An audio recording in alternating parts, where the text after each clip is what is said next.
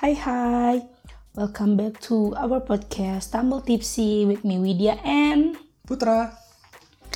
Halo teman-teman semua, apa kabar nih? Habis lebaran kemarin udah makan berapa banyak opor nih kira-kira? Tiga piring. Jadi pengen makan opor deh jadinya. Ih mau. Oh iya sebelumnya juga kita mau mengucapkan mohon maaf lahir dan batin bagi teman-teman yang merayakan. Merayakan lebaran. Ya semoga Tahun ini bisa menjadi tahun yang lebih baik untuk kita semua. amin.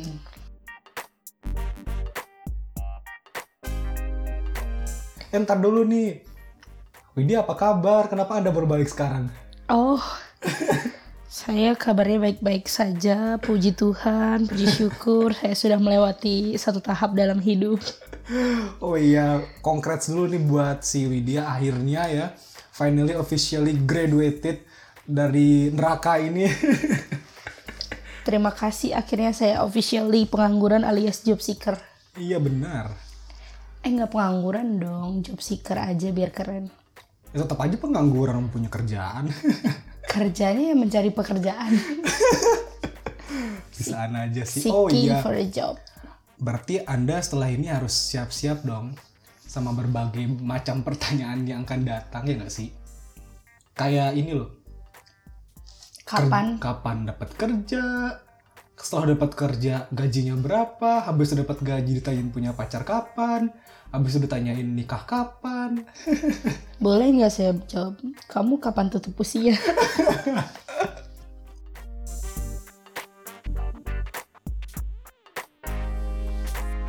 Bulan Juni itu bertepatan nih momennya dengan yang namanya Pride Month. Apa sih yang namanya Pride Month itu?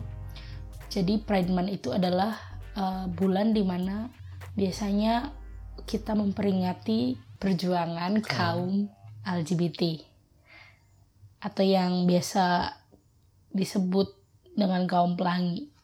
Di Amerika sana ya di dirayakannya bulan Juni. Jadi di negara-negara lain bisa aja ngikutin yang dari Amerika atau di bulan-bulan lain di mana ada momentum yaitu tadi uh, perjuangan LGBT di negara mereka masing-masing gitu kan.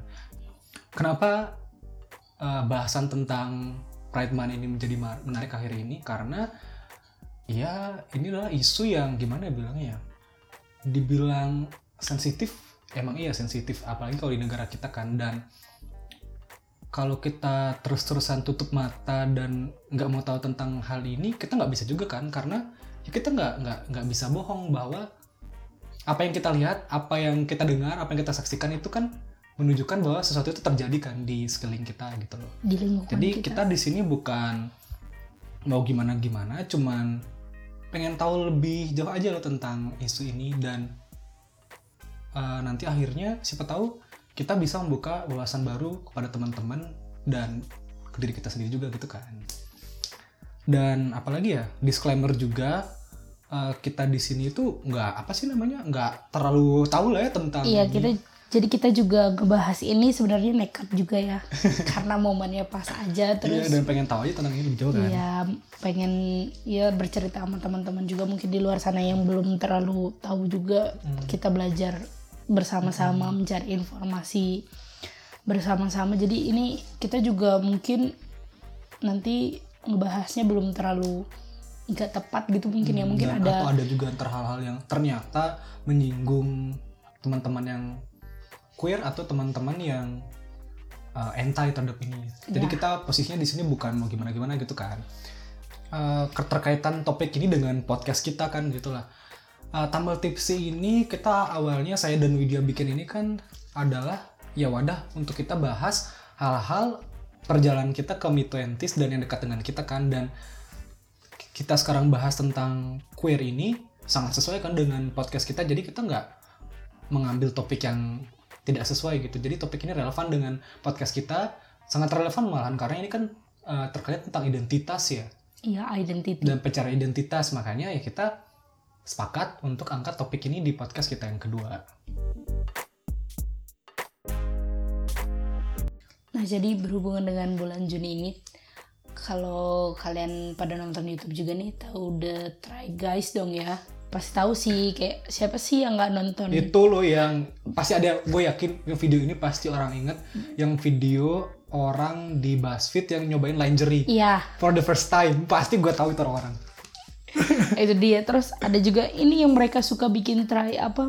Uh, making pie with without a Iya, recipe sesuai, gitu sesuai dengan namanya ya The Try The Guys Try ya. Guys. Try Everything jadi try, The Try Guys itu adalah sebuah grup empat orang ya, ya empat orang ya? Empat orang iya. Empat orang yang emang kerjaan show mereka itu ya coba hal-hal baru. Coba hal-hal yang orang nggak kepikiran sebelumnya. Nggak atau kepikiran yang, untuk ke- atau yang, nyoba ya yang kepikiran tapi nggak diangkat gitu kan. Iya, iya. jadi dulunya itu mereka itu ada di BuzzFeed ya? Di bawahnya BuzzFeed. terus?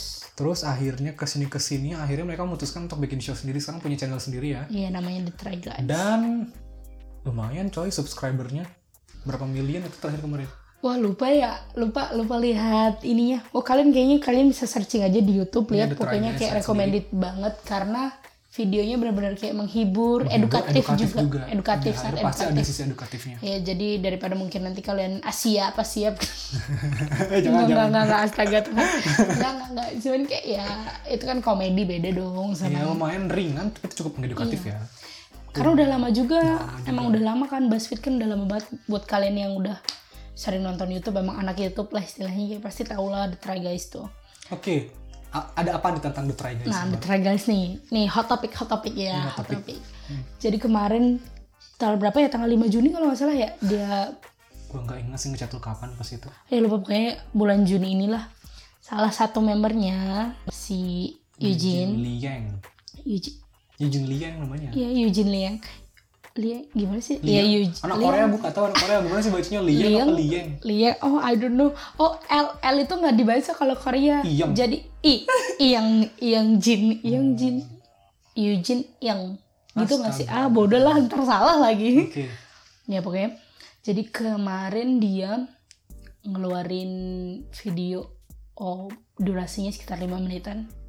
Hmm. Itu keren banget di mana dia mengungkap dia sisi yang tidak dia tunjukkan di publik selama ini gitu Iya, kan. jadi yang selama ini dia bilang kalau dia adalah sebenarnya si Eugene ini di beberapa beberapa video terdahulunya tuh udah sering bilang kalau dia adalah part of queer community. Iya queer Tapi dia ngakunya dulu bisexual sih kalau nggak salah ya. Cuman di video ini akhirnya dia came out as a gay gay male. Iya gay male. Gay man jadi dia di sana bener-bener mengungkap jati dirinya bahwa dia adalah seorang gay dan Asian gitu kan I'm a proud Asian young Gay. man young gay eh gimana sih I'm a Ya. proud Asian Asian, gay. gay iya I'm a proud Asian gay jadi tapi selain pengakuannya yang cukup kontroversial itu dan cukup menyedot perhatian juga video itu ya pasti menarik lah ya. Epic lah pokoknya kalau gue bilang gitu. Sumpah itu epic banget 5 menit yang super duper epic udah kayak sinematiknya dan lain sebagainya. tanpa Keren apa banget. sih? Teks tanpa dialog cukup no. Just watch the cukup video. tarian cukup koreografinya koreografi cukup kostum dan talentnya heboh banget. Kostumnya dan dia di sana. Jadi ada behind the scene-nya juga. Hmm. itu lupa deh gue ada behind the scene-nya juga. Jadi per warna itu nanti dia bilang warna ini mewakili keberanian atau mewakili apa itu dia. Pokoknya keren banget lah di sana juga dia ada di, di apa? Di setiap scene itu kan bajunya dia warnanya beda-beda. Iya di dan beda- itu menunjukkan kondisi dia di saat yang berbeda. Misalnya yang pertama nanti bisa cek videonya langsung deh biar lebih ke gambar gitu kan. Jadi videonya dia yang pertama itu ada di scene-nya tuh keluarga lah ya keluarga Asia lah. Dia tuh pakai baju merah dan itu merefleksikan sebagai dia yang genderless saat itu party juga ada Party kan dan sama- itu udah pakai pakaian drag queen Uh. kan. oh my god. Ya, ya- yang yang sering nonton videonya yang di direct sama Eugene entah itu di BuzzFeed atau di Tragas pasti tahu lah kalau dia tuh emang begitu kan ya. Director yang super drag super detail. Dan part yang climaxnya itu sih waktu akhirnya ada tuh yang talent yang masuk yang meragain dari tangannya tuh yang ditembak. bentuk ya itu tahu lah kita Tembak. itu maksudnya gun kan pistol kan. Itu nembak nembakin saat dia sama teman-temannya lagi party gitu kan. Itu udah klimaksnya pas dia dicuti pakaian dragnya terus mulai konfliknya mulai pukul-pukulan mulai berisik gitu. Terus dia balik sama keluarganya akhirnya di ditinggalin ya kan. Ditinggalin. Setelah dia begitu tuh akhirnya dia sadar kalau dia itu akhirnya dia sendirian dengan dirinya gitu gak sih? Sad ending. Sumpah itu a super I think it super sad ending mungkin kayak. Tapi sad ending iya. Tapi akhirnya itu bikin dia jadi orang yang lebih kuat. Karena dia di scene terakhir saat uh, ada udah berdiri tegak sendiri kan? Di scene terakhir itu dia keluar dengan dressnya lagi kan? Yang warna ungu. Warna ungu. Di tengah apa sih namanya? Di tengah uh, sis orang di kelompok kanan dan kiri yang saling ribut tentang pro kontra LGBT ini kan? Tapi dia tetap jalan, jalan di, di tengah, tengah dan tetap apa sih menengadahkan mukanya gitu kayak dia proud kayak dia udah yakin Iya, dia udah oke ini pas. ini gue dia udah menerima tahapan menerima gak sih? Pasti bakal ada orang yang menerima dan nggak menerima tapi gue tetap berdiri gitu kan di sana intinya. Gue tetap gue. Nah itulah. Dan itu juga videonya itu uh, fundraiser. digunakan sebagai fundraiser juga untuk membantu LGBT youth nggak sih kalau nggak salah? Iya iya remaja kalau remaja nggak salah. LGBT di sana dan kayaknya gue terakhir lihat kemarin itu berapa USD ya itu ya? Udah udah banyak kok yang terkumpul juga no ten ten bisa dicek sendiri di sana. Pokoknya kalian cek sendiri aja lah di YouTube The Try Guys. Nah dan itu salah satu sumpah epic banget yang masih kayak gue udah nonton berkali nggak nggak berkali-kali iya berkali-kali lebih le- tiga kali gue nonton dan kali ya. itu sebenarnya cukup merepresentasikan eh, dari apa yang teman-teman queer alami gitu kan dari apa penolakan orang tua, penolakan teman-temannya, diskriminasi gitu kan, ditunjukkan semua lah pokoknya di sana. Dan itu terangkum dengan apik dan tetap berseni gitu nggak sih? mas masih ada seninya ada apa ya bener-bener nggak yang cuman curhatan dia nulis jadi kayak dia curhat bercerita dengan gerakan. Iya bener. sinematiknya keren banget.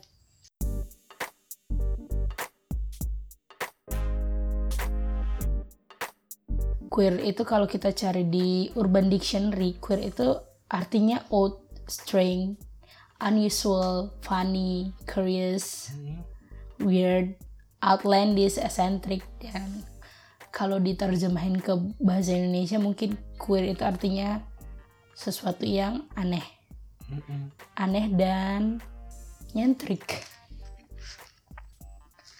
Oke, jadi sebelum kita bahas queer ini lebih dalam lagi, kayaknya ada tiga hal nih yang kita semua harus tahu kayak hal mendasar banget.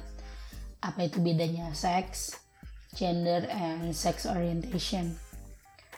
Jadi seks itu kalau di ini secara gamblang lebih kayak alat kelamin yang emang kamu dapat dari kamu udah lahir gitu kayak lu laki Penis and vagina.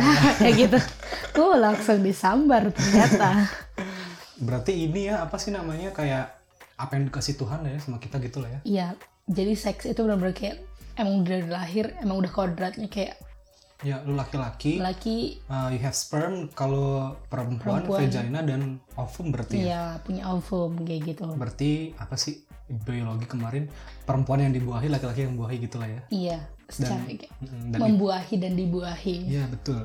Dan seks itu ya tidak bisa dipertukarkan gitu kan. Kayak ya nggak mungkin kan perempuan yang membuahi, laki-laki yang dibuahi nggak mungkin gitu kan. iya kan karena udah emang giftnya dapatnya alat kelamin lah ya apa Hmm. sih kayak emang no alat Nah, reproduksinya benar. nah gitu ya Oke, terus yang kedua? yang kedua sekarang kita bahas gender Mm-mm. Nah, gender apa sih itu gender? Jadi gender itu biasanya adalah kepribadian yang terbentuk Hmm. dalam seiringnya waktu kita berkembang ya gitu, seeking for identity. Oke. Eh, ini gue lihat bentar deh. Jadi sebenarnya itu eh, istilah gender ini diperkenalkan oleh para eh, social scientist lah ya. Jadi menurut para ilmuwan sosial itu gender ini digunakan untuk menjelaskan perbedaan antara perempuan dan laki-laki yang bersifat bawaan kayak tadi seks bawaan kodrat dan yang bersifat bentukan budaya yang dipelajari dan disosialisasikan sejak kecil yang dikenal dengan gender. Berarti gender itu adalah uh, sebagai perbedaan peran, fungsi, status dan tanggung jawab pada laki-laki dan perempuan sebagai hasil dari bentukan atau konstruksi sosial budaya yang tertanam lewat proses sosialisasi dari satu generasi ke generasi berikutnya. laki-laki berarti uh, perannya dia misalnya mencari nafkah gitu kan Iya terus perempuan masak. Oh kayak yang pernah lu alamin yang lu ceritain. Cowok nggak boleh ke dapur masuk ke dapur. jadi ada ya kultur kita di Indonesia itu Pintar nggak ada chef Juna dong. oh iya bener nggak ada chef Cina. Nggak ada chef Arnold juga dong. nah tapi ternyata uh, gender itu sebenarnya sesuatu yang tidak bersifat kodrati gitu kan. Nggak kayak jenis kelamin atau seks karena gender ini bisa dipertukarkan gitu loh. Tidak seperti seks. Iya karena terbentuk oleh lingkungan sosial lingkungan yang lu sosial. alami kan. Lu tumbuhnya kayak gimana? Ini nih, biar ada lebih jelas lagi nih. Gue liatin dari tulisannya. Tulisan siapa tuh ibu ya ibu Herian Pusp- Puspitawati dari uh, ilmu keluarga. Ini dia memberikan tulisan tentang konsep teori dan analisis gender nih. Ini biar agak lebih jelas lagi kita membedakan antara jenis eh, antara seks dengan gender. Eh, di sini ditampilkan beberapa tabel gitu menunjukkan perbedaannya. Misalnya kalau kayak tadi misalnya pembedanya peranan peranannya ya. Kalau si seks ini kan perannya reproduksi jelas lah ya. Iya. Hmm, dan ini tidak bisa berubah. Nah kalau di gender ini kan tadi bisa berubah. Contohnya itulah peran sosial yang kayak tadi. Kalau istri sebagai ibu rumah tangga dapat berubah menjadi pekerja atau pencari nafkah. Di samping menjadi istri juga. Dan laki-laki uh, bisa bekerja juga tapi boleh juga mengasuh anak. Jadi kayak bisa bertukar gitu loh perannya. Sifatnya tidak biologis tapi sifatnya lebih ke psikologis deh kayaknya gitu kan psikologik iya psikologik lebih ke psikologik. bagaimana kita mengekspresikan apa yang kita rasakan dan apa yang masyarakat harapkan terhadap kita jadi kan psikologi kan? Iya lebih self expression iya benar-benar Mm-mm. nah ada yang menarik juga nih dari tulisannya eh, ibu ibu Herian ini. Jadi ternyata eh, konsep gender ini malah menjadi persoalan yang menimbulkan pro dan kontra di kalangan masyarakat itu nggak hanya di masyarakat konservatif aja tapi di kalangan akademisi maupun pemerintah. Karena sejak dulu sampai sekarang itu bahasan tentang gender ini bahasan yang terus diupdate dan terus berkembang gitu loh. Dan kenapa menjadi polemik? Karena yang pertama konsep gender ini dianggap berasal dari negara-negara barat. Dan you know Oh, lah ya kalau jadi kita ke barat- barat, ke baratan. barat, baratan. Oke ke barat-baratan dan eh, sebenarnya konsep gender ini malah dianggap sebagai eh, propaganda nilai-nilai barat yang sengaja disebarkan untuk merubah tatanan masyarakat khususnya di timur jadi kayak Hmm. eh, jatuhnya orang kita takut mengancam eksistensi budaya eks- timur iya budaya kayak gitu Iya kan. Terus yang kedua ini juga ada nih konsep gender ini eh, merupakan gerakan yang katanya membahayakan karena dapat memutarbalikkan ajaran agama dan budaya. Karena konsep gender berlawanan dengan kodrati manusia. Balik lagi ke seks tadi kan. oh I got it jadi lebih ke nanti pasti dikait-kaitkan bakal gender ini Nah, dan kayak gimana ya kalau kita melihat dari agama lah ya. Agama itu kan kalau Anda dilahirkan sebagai laki-laki, berarti Anda ya harus menunjukkan peran dan cara mulai dari cara berpikir, cara Anda bersikap itu harus sebagai laki-laki gitu kan kalau agama kan. iya secara agama udah Ya, kodrat. kita setuju dengan itu. Tapi kalau di gender ini kan tadi bisa dipertukarkan. karena dipertukarkan Nah. jadi kalau kita lihat secara agama mungkin orang-orang Nah. menyebutkan dan kayak- menganggapnya ini nyalahin kodrat lu lu harusnya nggak kayak gitu loh Terus yang ketiga ini konsep gender ini berasal dari adanya kemarahan dan kefrustrasian kaum perempuan untuk menuntut haknya sehingga menyamai kedudukan laki laki-laki lagi-lagi tentang kesetaraan aja jatuhnya ya penyetaraan penyetaraan status sosial Hmm, dan kalau kita tahu masyarakat itu menganut masyarakat kita lah ya menganut itu yang harus berperan lebih utama itu kan laki-laki ya. Iya sistem patriarki. Dan itu kayak sebenarnya sistem yang sudah dianut sejak sejak lama lah ya kayak terus direpetisi dari generasi ke generasi itu dan dianggap itu sebagai hal yang benar gitu kan. Iya. Jadi kayak kalau ada suatu konsep baru yang eh, menantang men-challenge konsep yang sudah ada jadi pasti timbul konflik kan pasti kan iya karena ak- akan ada kaum yang menerima nah yang menolak dan mungkin yang menerima ada juga kaum yang di tengah-tengah nih kayak lebih gimana ya antara mereka peduli Atau atau peduli. bodoh amat nah yang terakhir ini adalah adanya mindset yang sangat kaku dan konservatif di sebagian masyarakat yaitu mindset tentang pembagian peran antara laki-laki dan perempuan adalah sudah ditakdirkan dan tidak perlu untuk dirubah. Itu tadi yang kita yang kita obrolin sebelumnya. Ya, tapi sebenarnya juga kalau kita kaitkan ya dari zaman dulu kita nggak ini nih kita nggak boleh lupa sama perjuangan era Kartini lah bisa kita kaitin juga soalnya kan beliau juga yang sebenarnya bisa dianggap sebagai Di zamannya kan perempuan tidak Iya. bukan, tidak diberikan pendidikan bukan tidak diberikan sih tidak di eh, iya itu tidak diberikan akses untuk, akses pendidikan. iya untuk akses pendidikan jadi mungkin sebenarnya sudah dari era itu Oh iya benar juga. Iya, udah udah dari era itu cuman mungkin makin sekarang kan kalau kalau wak- kalau waktu itu mungkin kan beliau lebih berjuang sendiri, lebih ke kayak kan karena ya zaman itu belum semodern zaman sekarang karena apa-apa lewat sosial media sangat gampang untuk disebarkan. Kalau sekarang kan mungkin juga semakin banyak mungkin wanita-wanita yang berani berbicara, berani memperjuangkan haknya. Terus ada juga pasti ya dengan orang-orang istilahnya kalau bisa kita sebut masih kolot mungkin ya. Atau apa yang lebih halus? Apa ya? Yaitu keras kepala. Eh, belum mencoba untuk belajar hal baru. iya. Kayak menolak something ya. Nggak mau I trying something new lah. I see your point. Jadi eh iya benar juga nih. Eh, RA Kartini itu merupakan suatu eh, bentuk nyata bahwa sejak dulu itu peran itu bisa dipertukarkan loh sebenarnya. Karena di zamannya beliau itu kan yang berperan dan diberikan akses untuk pendidikan itu adalah laki-laki. hanya laki-laki iya Tapi dia di lain sisi mendobrak itu dengan menunjukkan bahwa perempuan juga bisa dan dia menunjukkan mengakses pendidikan gitu kan. iya terus sekarang tadi apa yang ketiga tadi seks udah terus gender oh yang ketiga itu ada sex orientation jadi orientasi seksual seseorang Apa tuh orientasi seksual? jadi kayak lebih lu lu mau sama siapa Mau apa? mau apa bobo di mana bobo sama siapa semalam berbuat apa nyanyi dong Pintar sekali ya ininya penjelasannya. Iya bener. Jadi kalau kita bahas orientasi seksual itu ada istilah yang kita harus ketahui dulu itu adalah uh, heteroseksual, hemo- homoseksual berarti kan? homoseksual hetero dan homo dan bisexual. bisex ya bisex aseksual Oh iya, aseksual juga. aseksual iya Banyak juga ya ini istilahnya. Jadi tadi tuh orientasi seksual itu adalah with whom we want to sleep with. Dengan siapa dengan kita? siapa kita ingin menghabiskan malam Iya, tuh. bermalam Ya, intinya dengan siapa yang ada di bawah sini tuh bereaksi gitu kan intinya. iya iya Paham iya, nggak? benar-benar Paham paham, pasti. dong Ih, kalian juga pasti paham nih langsung kayak oh iya deh gitu Nah, tadi kan ya mah hetero ya, heteroseksual itu kayak ketertarikan terhadap lawan jenis seperti misalnya uh, Widya perempuan berarti Widya tertarik dengan laki-laki Laki-laki. untuk jadikan pasangan gitu kan. Nah, ada juga nih yang lain adalah homoseksual gitu kan.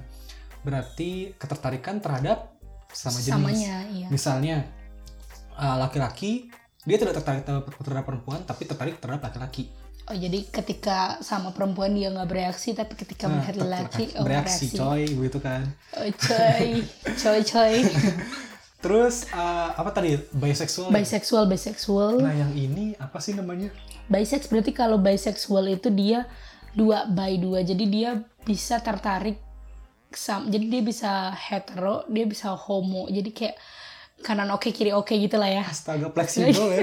fleksibel iya Jadi lihat dodonya bisa turn on dong ini. Oke, awet tadi bisexual. Terus aseksual ya asexual. Nah kalau ini adalah uh, orang-orang yang mengidentifikasi dirinya sebagai orang-orang yang tidak memiliki ketertarikan ketertarikan secara seksual.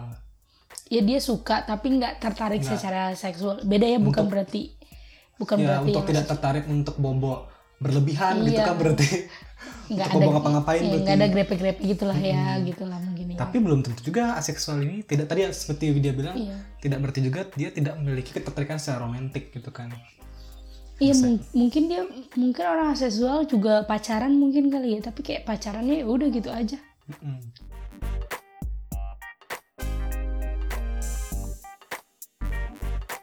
uh, yang agak uh, apa sih namanya yang agak masih ngawang-ngawang itu adalah konsep tentang gender ya karena tidak semua orang dekat dengan istilah ini sebenarnya. Meskipun sehari-hari kita mempraktekkan si gender ini gitu kan.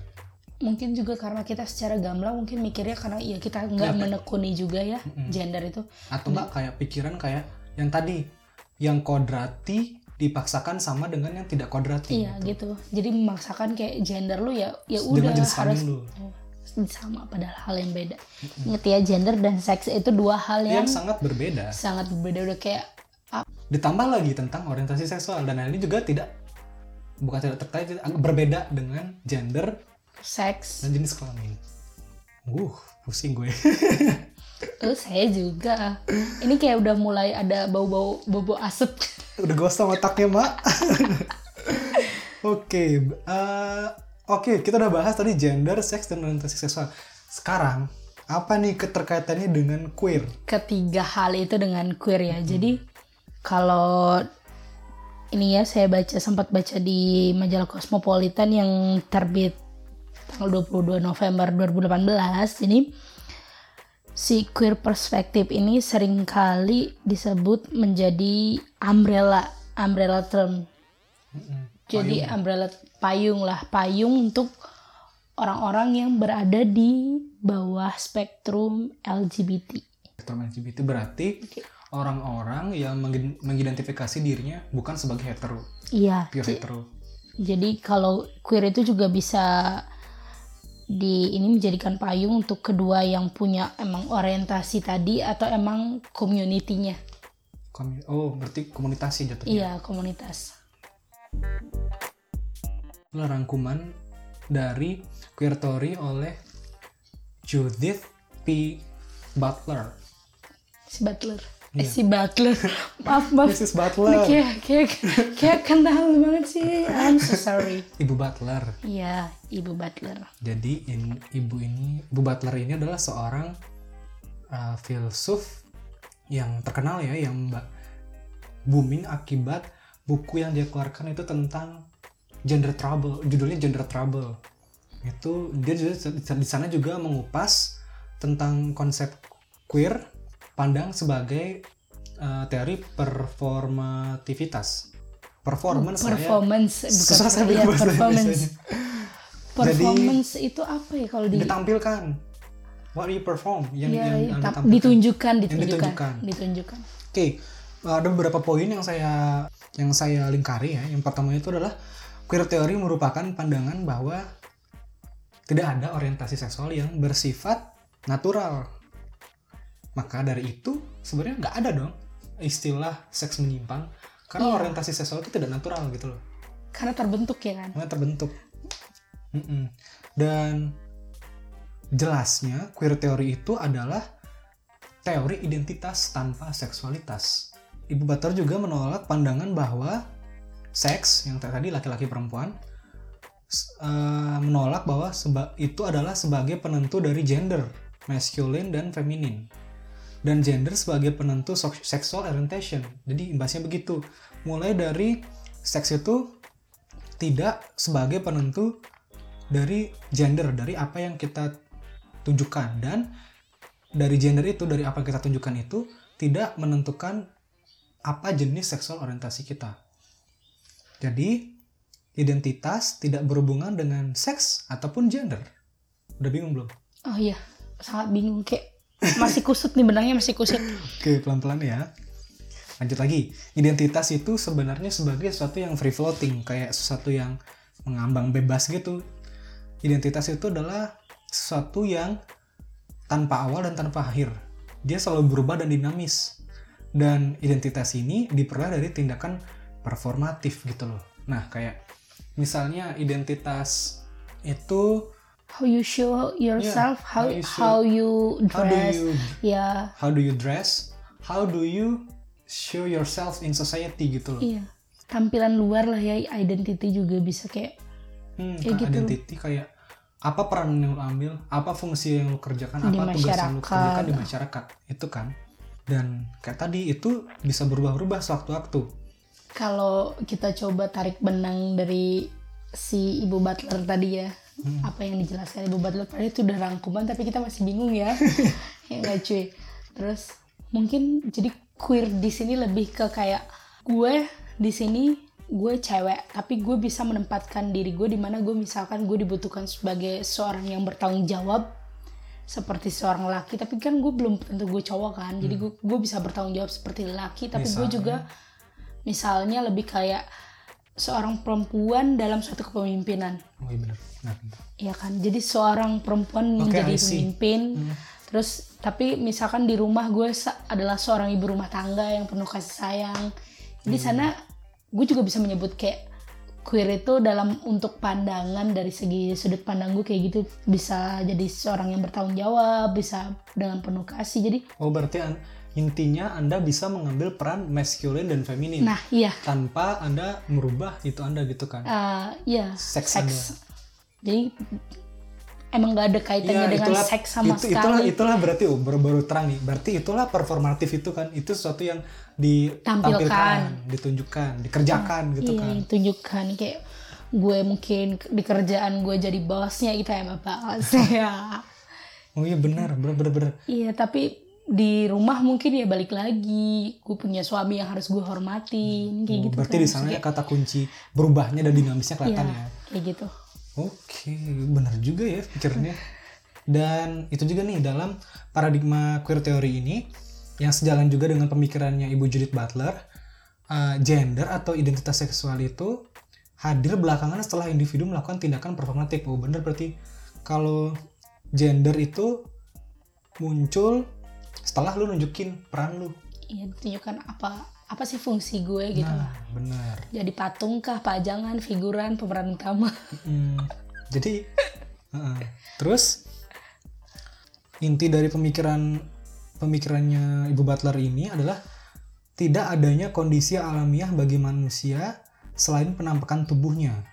Itu yang Iya, paling terang. berarti balik lagi ke seks seks itu alamiah penampakan Uh, tapi di sini juga beliau menunjukkan uh, satu pertanyaan sih buat kita misalnya seorang trans.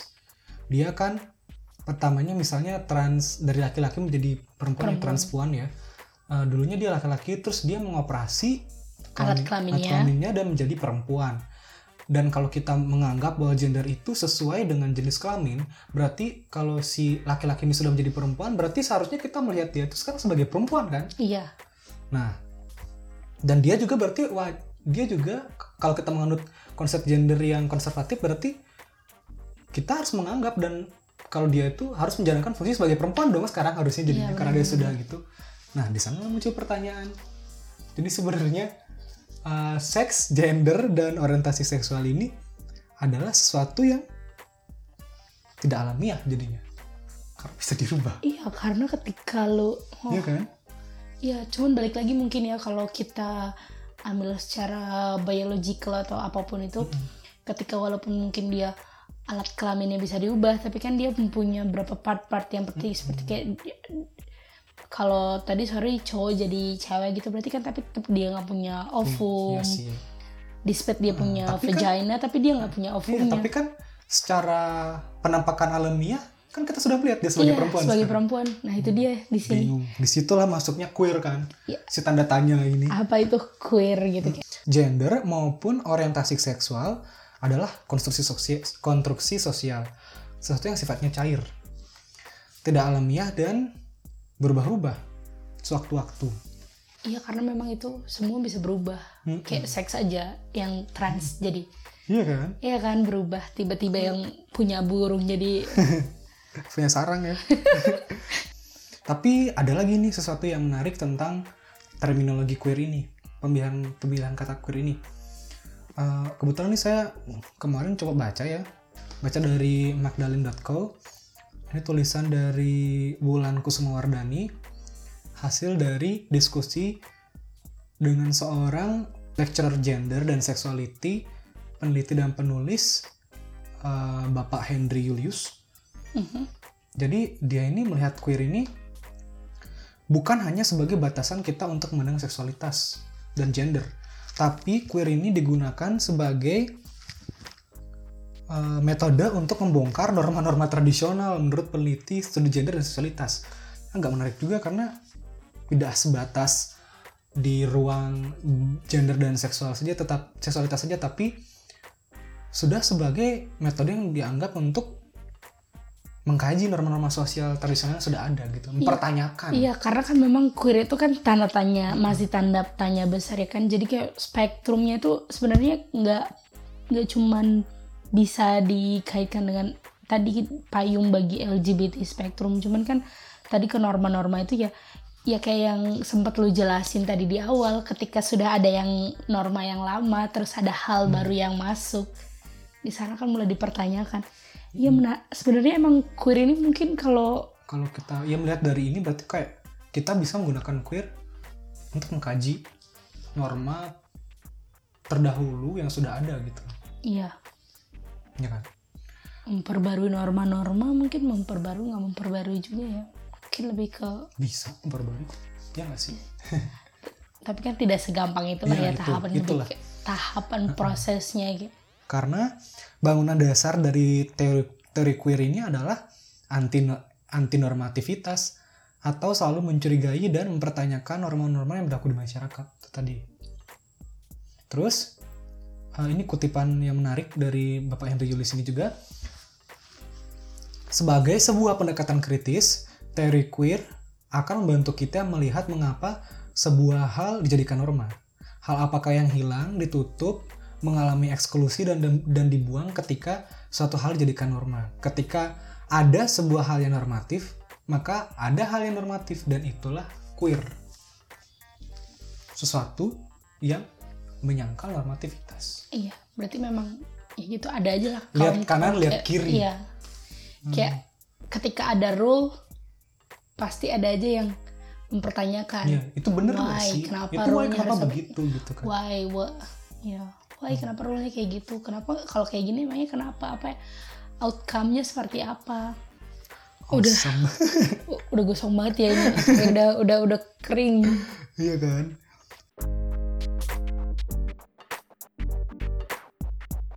So dari pemaparan yang udah dipaparkan tadi mungkin kita mulai sedikit terbukalah tentang konsep what is queer gitu ya. Hmm, what is queerness? kan biar sesuai nih dengan tumble tipsy dengan apa yang terjadi di lingkungan kita. Jadi kalau menurut Putra apa sih gimana sih queer di sekitar kita ini? Kayak apa-apa ya masyarakat di Indonesia lah mungkin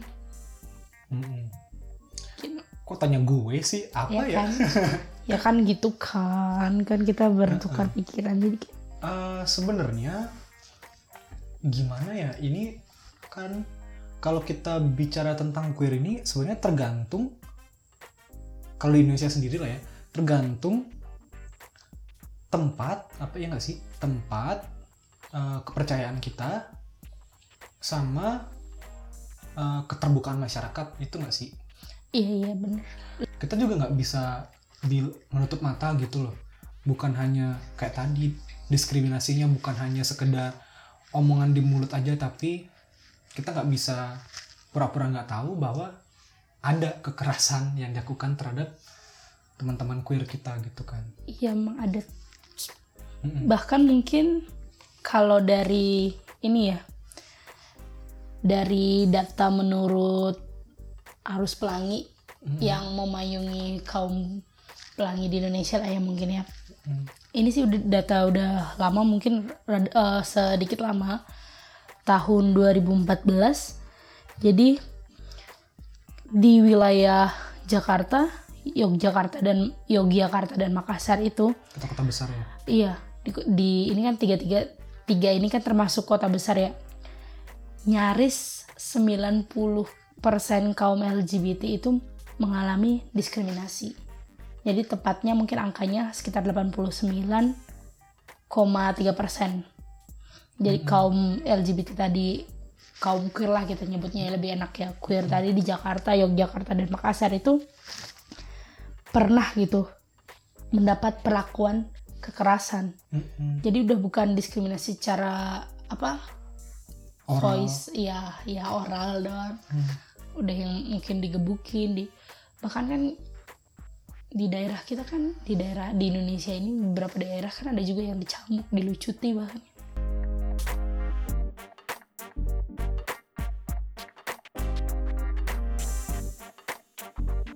itu lagi tadi ya kenapa masyarakat kita uh, menganggap bahwa queer ini adalah sesuatu yang melanggar kodrat dan sepertinya kelihatannya tampaknya layak untuk mendapatkan hukuman atau sanksi sosial gitu kan sebenarnya.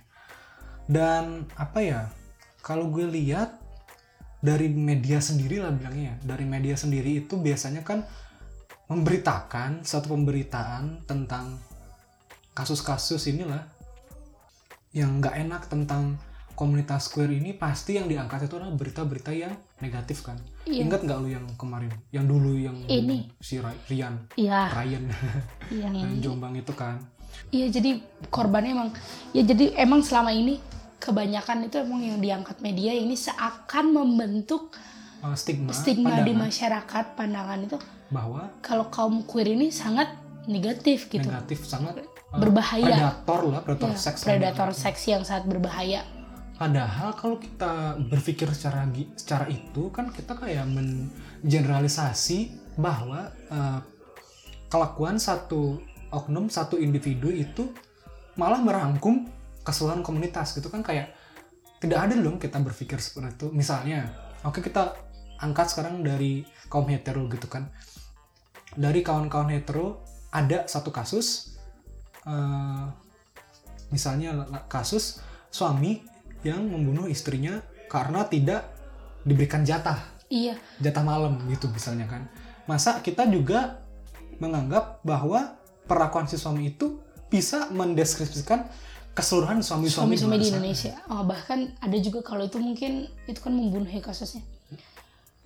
Ingat nggak sih kasus yang anak perempuan yang disetubui oleh ayah dan kakak-kakaknya? Hmm. tahu gak sih kan itu sempat terangkat juga masa iya berarti semua ayah dan kakak di dunia ini akan melakukan hal yang Iya. sama kepada ini adik atau anak perempuannya bukan menjaga malah menzolimi Hmm, ya bener kan. Tuh kan kalau kita pikir bego-begonya kayak gitulah. Jadi kayak nggak cukup aja gitu loh. Kelakuan suatu individu itu merangkum keseluruhan kalau istilahnya nggak bisa lah sampling satu dua Nah. gitu itu kan. Dan pasti ingat tadi yang diberitakan media ya pasti sesuatu yang wah gitu kan. wow lebih- Nah, karena itu tadi bahwa sudah dianggap bahwa LGBT ini adalah jadi iya menyimpang menyimpang kan.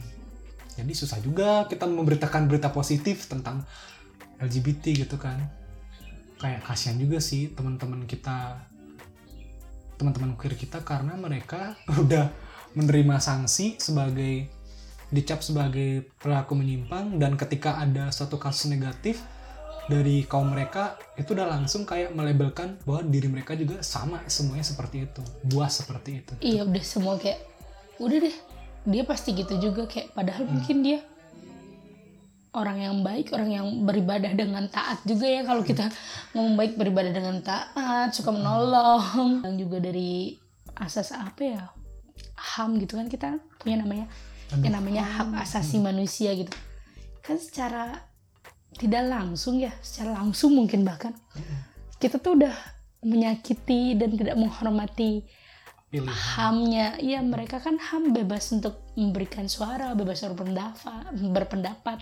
Ya kan, apalagi hmm. banyaklah kebebasan-kebebasan yang harusnya kan, juga dan kita sama manusia ini punyai. Dan kalau menurut gue itu kan kayak ketertarikan seksual itu adalah naluri kan ya dan kita ketahui bahwa naluri itu adalah kemampuan kita untuk bertahan hidup kan? Jadi kalau kita menghil apa sih namanya? Menghilangkan nalurinya dia itu kan kayak kita udah melarang dia untuk hidup gitu kan jadinya? Iya. Kita membatasi dia hidup. Ya memang hmm, dan di Indonesia sendiri itu kayaknya bakal tetap menjadi perjalanan yang masih jauh ya ya. Perjuangan yang masih harus menunggu sepertinya masih ya. Untuk kesetaraan. Untuk kesetaraan gender lah ya. Gender ini. Kesetaraan gender gender. identity dan gender expression tentunya. Apa di Indonesia juga beberapa influencer mungkin sekarang kan kalian kalau tahu siapa? Jovi Adiguna. Hmm? beliau ini kan Kak Jovi ini sudah lumayan dari dulu ya. Kayak kalau gue inget tahun 2016an deh dia udah mulai punya YouTube kalau nggak salah. Hmm. 2016 atau 2 antara 2015 atau 2016 mungkin ya gue lupa Dia queer juga. iya dia di sini kayak dia dress as a Women. woman tapi dia masih yang ininya masih apa masih laki gitu cowok dan dia pun gue inget banget dalam satu di satu videonya Hmm. dia tuh bilang ya gue tuh cowok tapi gue suka berpenampilan dan ini sama sama cewek tapi gue nggak ngaku cewek gue tetap menganggap diri gue cowok gitu. Hmm. dan dia has a supportive family as a queer mungkin kita bisa nyebut dia queer ya. Dia tidak tidak membuat dia tidak menghentikan dia nggak nge-stop dia buat melakukan hal yang dia sukai. Hmm. karena itu dia jadi balik lagi berarti yang paling utama kayaknya penting adalah dukungan dari lingkungan sekitar dukungan dan pengertian Tapi gue malah ngeliatnya gini ya Glik maaf nih ya. Gue ngeliatnya itu kayak iya emang kelihatan it's okay to be queer if you're if you are a famous person. oh Coba deh lu pikir kayak ada anak di desa di desa belantara sana yang dia tidak fit di sebagai laki-laki atau perempuan dan dia terpaksa untuk makan itu mentah-mentah jadi dia kayak ya lu oke lu menunjukkan kalau lu queer tapi asalkan lu terkenal atau lu punya punya nama gitu loh. Punya power lah ya. Punya power. Kalau lu bukan siapa-siapa queer ya lu pasti jadi bulan-bulanan masa kan gitu kan jadinya. I got it. kecenderungan kaum kaum LGBTQ itu mengalami apa sih namanya Diskrim- stres oh stres stres itu katanya lebih tinggi daripada orang hetero karena dia tinggal di lingkungan yang tidak suportif jadi kan wajar dong dia jadi stres kan? Ya iya sih? iya iya bener. Karena dia wah ya pasti mau nggak mau kepikiran karena dia udah tahu kalau dia nggak akan diterima di Hmm. masyarakat itu. Jadi kayak double gitu dia menghadapi ah, stresornya ada dari masyarakat dan stresornya ada dalam diri sendiri juga karena dia tidak bisa menerima dirinya kan jadinya. Iya. terus yang kedua itu katanya ah, teman-teman LGBTQ itu cenderung keluar dari rumah dan tinggal di jalanan. Kecenderungannya karena itu. Kenapa? Kenapa begitu? Karena nggak betah di rumah. orang tuanya tidak menerima. Iya nggak betah di rumah. Orang tuanya nggak menerima anaknya seperti itu dan tidak memberikan sosial apa tapi malah mengusir anaknya gitu loh. Yang muda-muda malahan udah terlantar di jalan gitu kan. Terus ada lagi kaum LGBT LGBTQ itu katanya rentan tertular HIV HIV AIDS. Itu karena itu edukasi tentang seks itu nggak benar di sana. Dan edukasi seks khusus untuk LGBTQ uh, teman-teman LGBTQ itu sebenarnya masih jarang dan tabu mungkin ya apalagi kalau di negara kita kan. Karena di luar sana pun masih sangat jarang gitu edukasi tentang tentang Iya, kebutuhan spe- uh, kebutuhan spesifik mereka gitu kan. Tapi di negara kita jalankan yang homo ya maksudnya Hmm. yang sama yang hetero saja Sih, Emang ya. sex educationnya kurang tabu Kayak- sih masih sex karena masih tabu ya padahal kan itu adalah suatu yang wajar emang wajib diketahui gitu loh Hmm. gue pernah datang ke seminar yang membahas tentang ini dan itulah yang mereka gunakan uh, untuk apa sih namanya himbauan yang mereka gunakan. Menggiring opini. Menggiring opini agar kita tidak seperti itu. Menunjukkan bahwa kalau kita begitu inilah konsekuensi yang kita dapatkan gitu kan jadinya.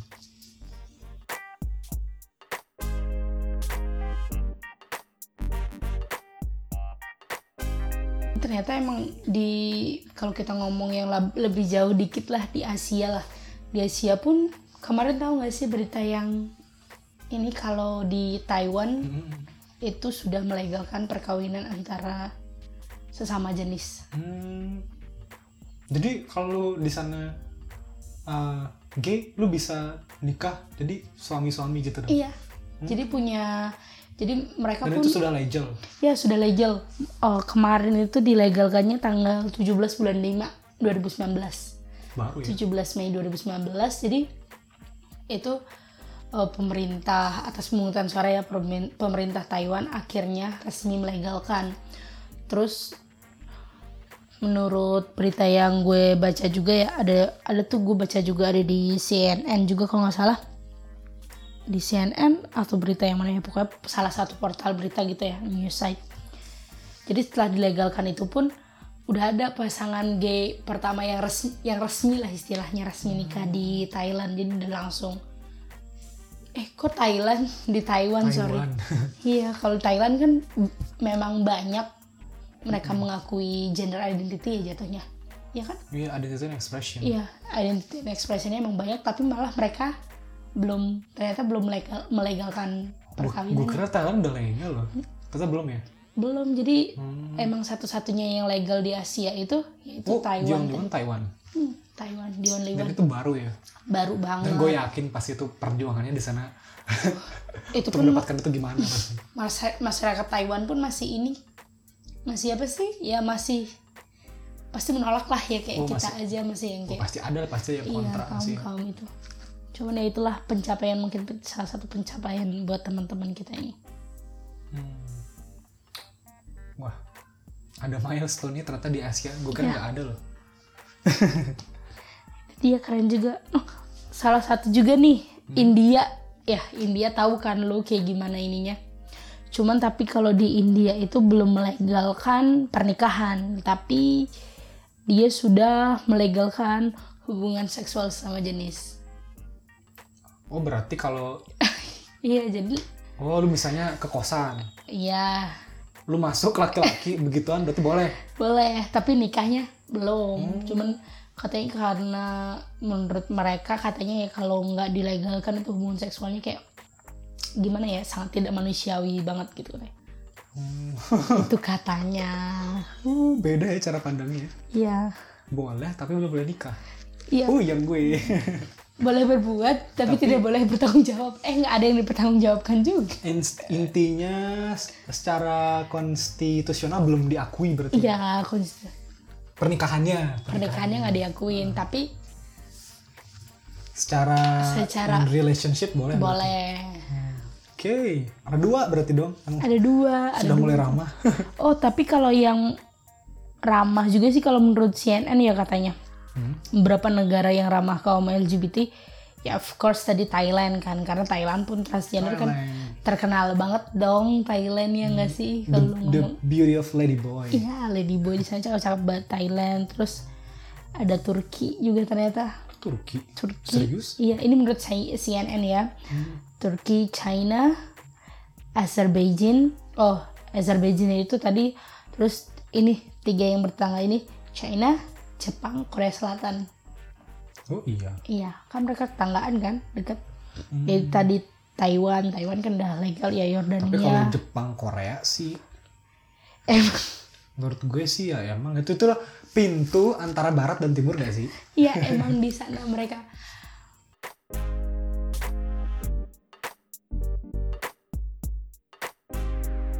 Kalau kita ngomongin kayak tokoh ini aja dulu. Oke ini kalau di luar kan dulu katanya Ellen. kalau kita ini Ellen Ellen Ellen DeGeneres. Kalau kita di sini ini Dorce. Dorce. Dorce kan dulu ya kan bunda bunda Dorce kan nah makanya kenapa dulu kan padahal bunda Dorce bisa diterima ya di masyarakat. Maksudnya bahkan dia punya kan dulu Dorce show. Show show show. Astaga umur gue berapa ya pas masih ada acara TV itu ya? Kan dan mungkin ini juga sih Gling uh, tren sekarang itu kayak hmm, sekarang sekarang ini tuh ini yang naik gitu semacam gerakan yang lebih konservatif daripada yang dulu gitu loh. Jadi wajar aja Ya, sekarang. dengan si gerakan konservatif ini naik terus isu-isu yang ini isu-isu yang tabu kayak LGBT ini naik dan itu dijadikan sasaran gitu. Kan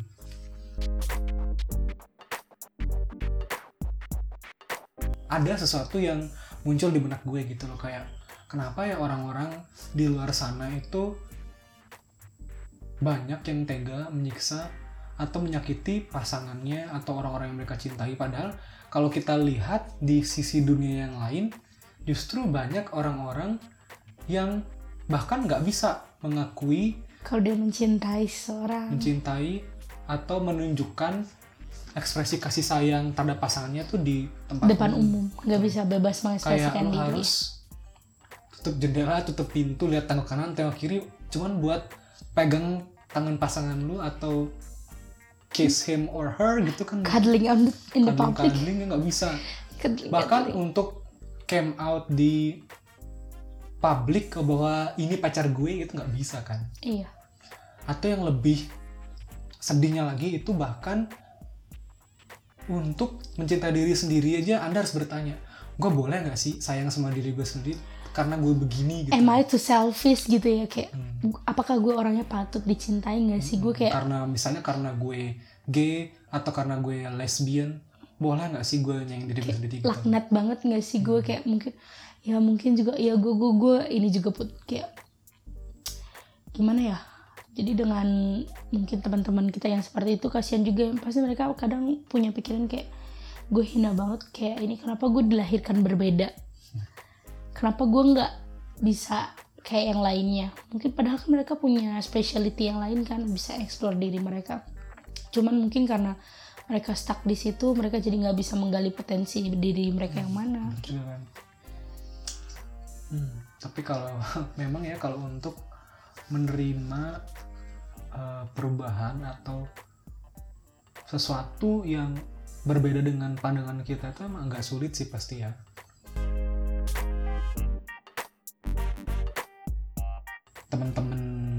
Queer di sana di luar sana, pesannya sih tetap berjuang kalian nggak sendirian buat teman-teman saya ya kalian harus tetap berjuang tetap pede as long as ya you temukanlah ya jalan yang menurut kalian paling tepat dan Nyaman. nyaman dan benar untuk kalian. ya as long as long as you doing the right thing as long as you be a kind person as long as you love and loving someone gitu. Hmm. Entah lu tetap kukuh atau tetap menerima bahwa oh ini gender expression gue, ini sexual orientation gue, gue oke dengan ini atau mungkin dari sisi gue tahu gue gini, tapi gue yakin gue juga bisa berubah ya oke aja kan gitu kan. Lu tetap itu pilihan dan tetap lakukan yang cocok buat lu karena yang tahu diri lu sendiri ya diri lu sendiri gitu. Kau jangan biarkan hal itu menutupi potensi diri kalian karena gue yakin sih orang-orang lu yang beneran sayang dan peduli sama lu gak bakal ninggalin lu apa pun yang terjadi gitu loh. Tidak terbat tidak tidak sedangkal hanya karena gender expression lu gimana gender identity lu gimana dan sexual orientation lu gimana gitu kan. Ini ada juga nih kutipan dari majalah Cosmopolitan yang tadi dari apa seorang seks terapis ya beliau katanya menyebutnya uh, Dr. Kelly Weiss PhD. Jadi beliau bilang because we all different, we can cele- celebrate our difference. I can accept you for who you who you are who you are and there is power in number. what kind of number Kayaknya lebih ke kayak ada kekuatan dalam perkumpulan gak sih lebih kayak ketika lu bentuk as a Community, ya. community. Kayak gitu sih. Kata ini juga nih Dr. Kelly Weiss PhD lagi nih. Uh, he says uh, just because it's one penis and vagina that doesn't mean that there is not some queer on you. berarti ada di queerness di gue ada queerness di lu Iya, jadi kayak ya balik ke yang tadi bahwa queerness itu adalah keingintahuan kan Iya, rasa ingin tahu. Jadi mungkin curiosity tentang lu dunia aja. Wah, Iya, jadi tiap orang mungkin punya queer ya dalam dirinya. Nah, gitulah ya mungkin segitu dulu kali ya bahasan kita kali ini. Mm-mm. Tapi eh, selalu ya di podcast kita semoga yang dengerin dapat mengambil nilai positifnya, dapat belajar bareng-bareng dan kalau pengen dengerin podcast kita ini udah airing di macam-macam platform ya. Ada di Spotify. Ada di Spotify, di YouTube, YouTube. juga ada, di Apple Podcast juga ada Iya. dan ya itu di 13 platform jadi kalian juga bisa lihat tampil tipsy di sana gitu. Ya jadi pokoknya ditunggu banget ya guys kayak kritik, saran, feedback dari kalian biar kita semangat juga nih. Oke, itu aja untuk episode kedua kali ini. semangat to the mid 20s nya Yay. bye bye Bye.